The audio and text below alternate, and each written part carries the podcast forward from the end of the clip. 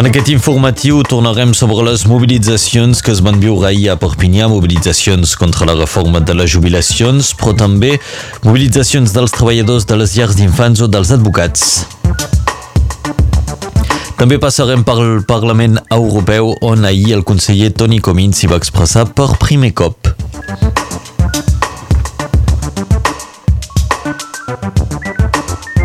La solidaritat amb els presos i exiliats s'expressa també durant els desitjos d'any nou que fan els balles aquí a Catalunya Nord, ho veurem, del band de Sant Llorenç de Cerdans o de Pasià de la Ribera.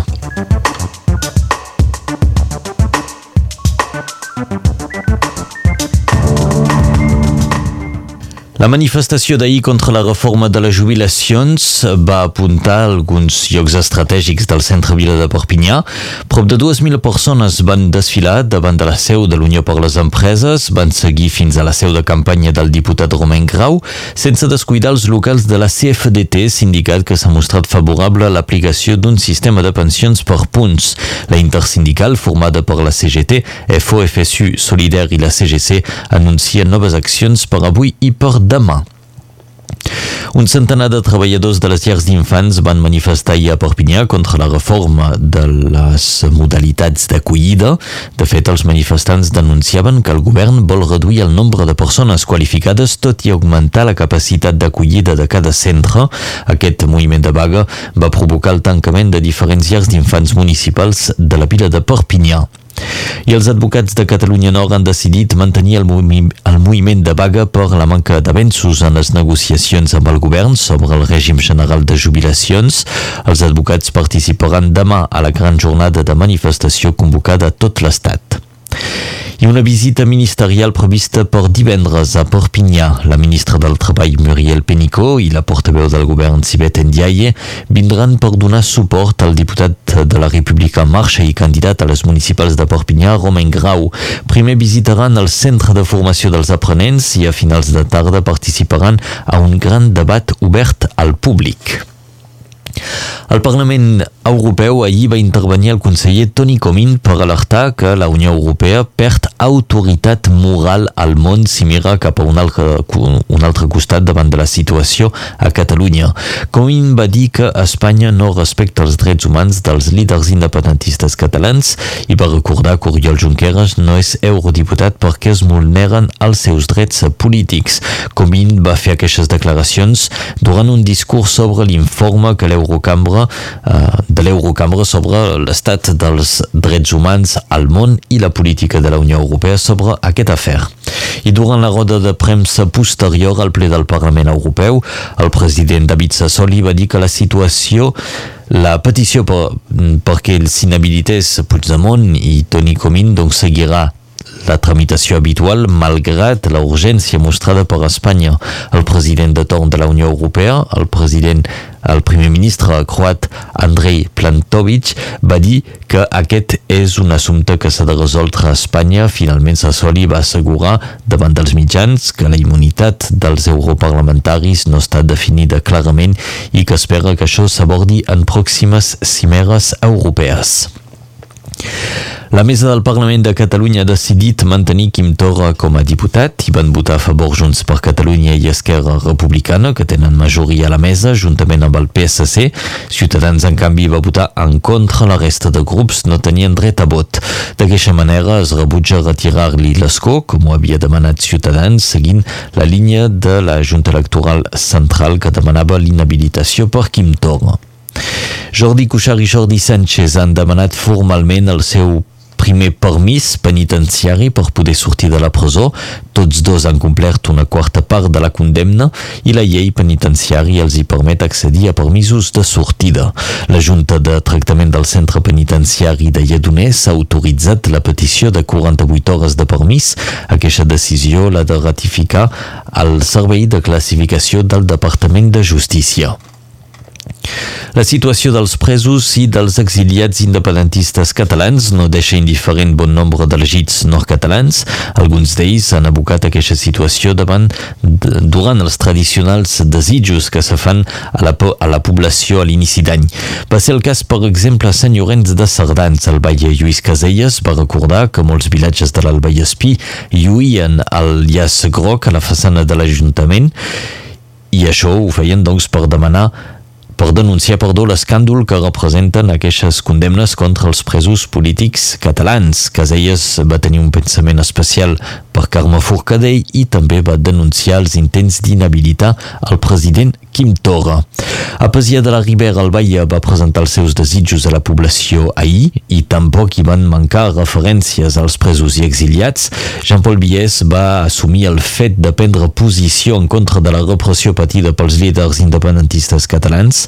En una intervenció plena de sentiment i convicció, el Batlle de Pesia va fer una crida a la defensa dels drets i llibertats al sud dels Pirineus, unes paraules que van aixecar aplaudiments entre el públic, un públic que també va cantar el segador treballadors. Jean-Paul Bies és l'impulsor del manifest a favor dels drets i llibertats a Catalunya que han signat la majoria de baies de Catalunya Nord. Els bombers de Catalunya Nord portaran càmeres mòbils per fer front a un nombre creixent d'agressions durant les intervencions. L'any 2019, 23 denúncies van ser dipositades pel personal de Servei Departamental d'Incendis i de Socors dels Pirineus Orientals. 17 d'aquestes denúncies concernien agressions físiques contra els bombers. Aurélien París és adjunt al Servei d'Operacions dels Bombers de Perpinyà. Nos explica en quines circumstàncies es produeixen aquestes agressions. Són circumstàncies diverses uh, durant uh, socors a persona, durant incendis i en tot el departament, no únicament en barris de, de Perpinyà. Uh, podem veure això, agressions uh, verbals i físiques en, en, tot, en tot departament. Cada dia a França és una, una mitjana, eh? hi ha cinc agressions, cinc agressions per, per dia. És una experimentació aquestes càmeres. Hi ha 10 departaments a França que han proposat uh, de, fer, de fer això cap al mes de febrer de, de 2022. Uh, és sobretot per la protecció dels, uh, dels bombers i, uh, i també durant la, les intervencions per provar, per identificar uh, eventuals agressors durant, uh, durant aquesta, aquestes intervencions. Bé, d'aquí les paraules de l'adjunt als bombers en el que és el centre d'operacions a Perpinyà, Aurélien París. Un excursionista va morir ahir a dalt de la vall del Galb. La víctima de 68 anys i tres persones més baixaven del pic de la Baixullada entre el Capcí i la Rieja. L'home va morir després d'una caiguda d'uns 150 metres. I a Catalunya Sud l'actualitat passa també per Tarragona, amb una explosió en una empresa petroquímica que va fer ahir un mort, vuit ferits i un desaparegut. Si l'explosió va ser impressionant, també ho va ser l'ona expansiva que va provocar l'enfonsament del sostre d'un habitatge. És aquí que es va produir la mort de l'ocupant de l'apartament. Dues persones van patir cremades molt greus, les altres víctimes han patit ferides de menys gravetat, en tot cas els vuit ferits, com també els desapareguts són treballadors de l'empresa on hi ha hagut l'explosió.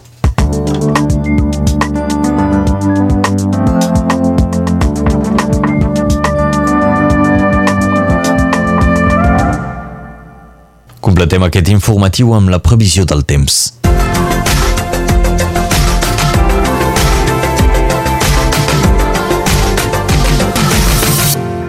Temps cobert al litoral, assolellat a muntanya i ben fort a l'Albera. Aquest dimecres comença amb un ambient ennubulat a gran part de la plana del Rosselló. A la resta del país destaquen les clarianes.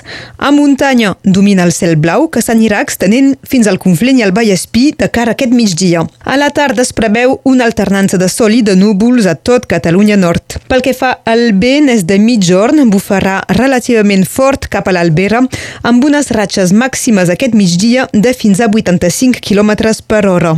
Les temperatures màximes seran semblants o un poc més altes que les d'ahir, amb uns valors que arribaran fins als 16 graus a Serret i el Bolú, 15 a Argelis de la Marenda, Perpinyà i Millas, 14 graus a Sureda i Vinçà, 13 a Prada, 12 a Prats de Molló i Molitx, 11 graus a Tallet, Fiols i Matamala, 10 a Sautó, 9 graus tant a la Cabanassa com a Dorres i 8 de màxima a Font-romeu.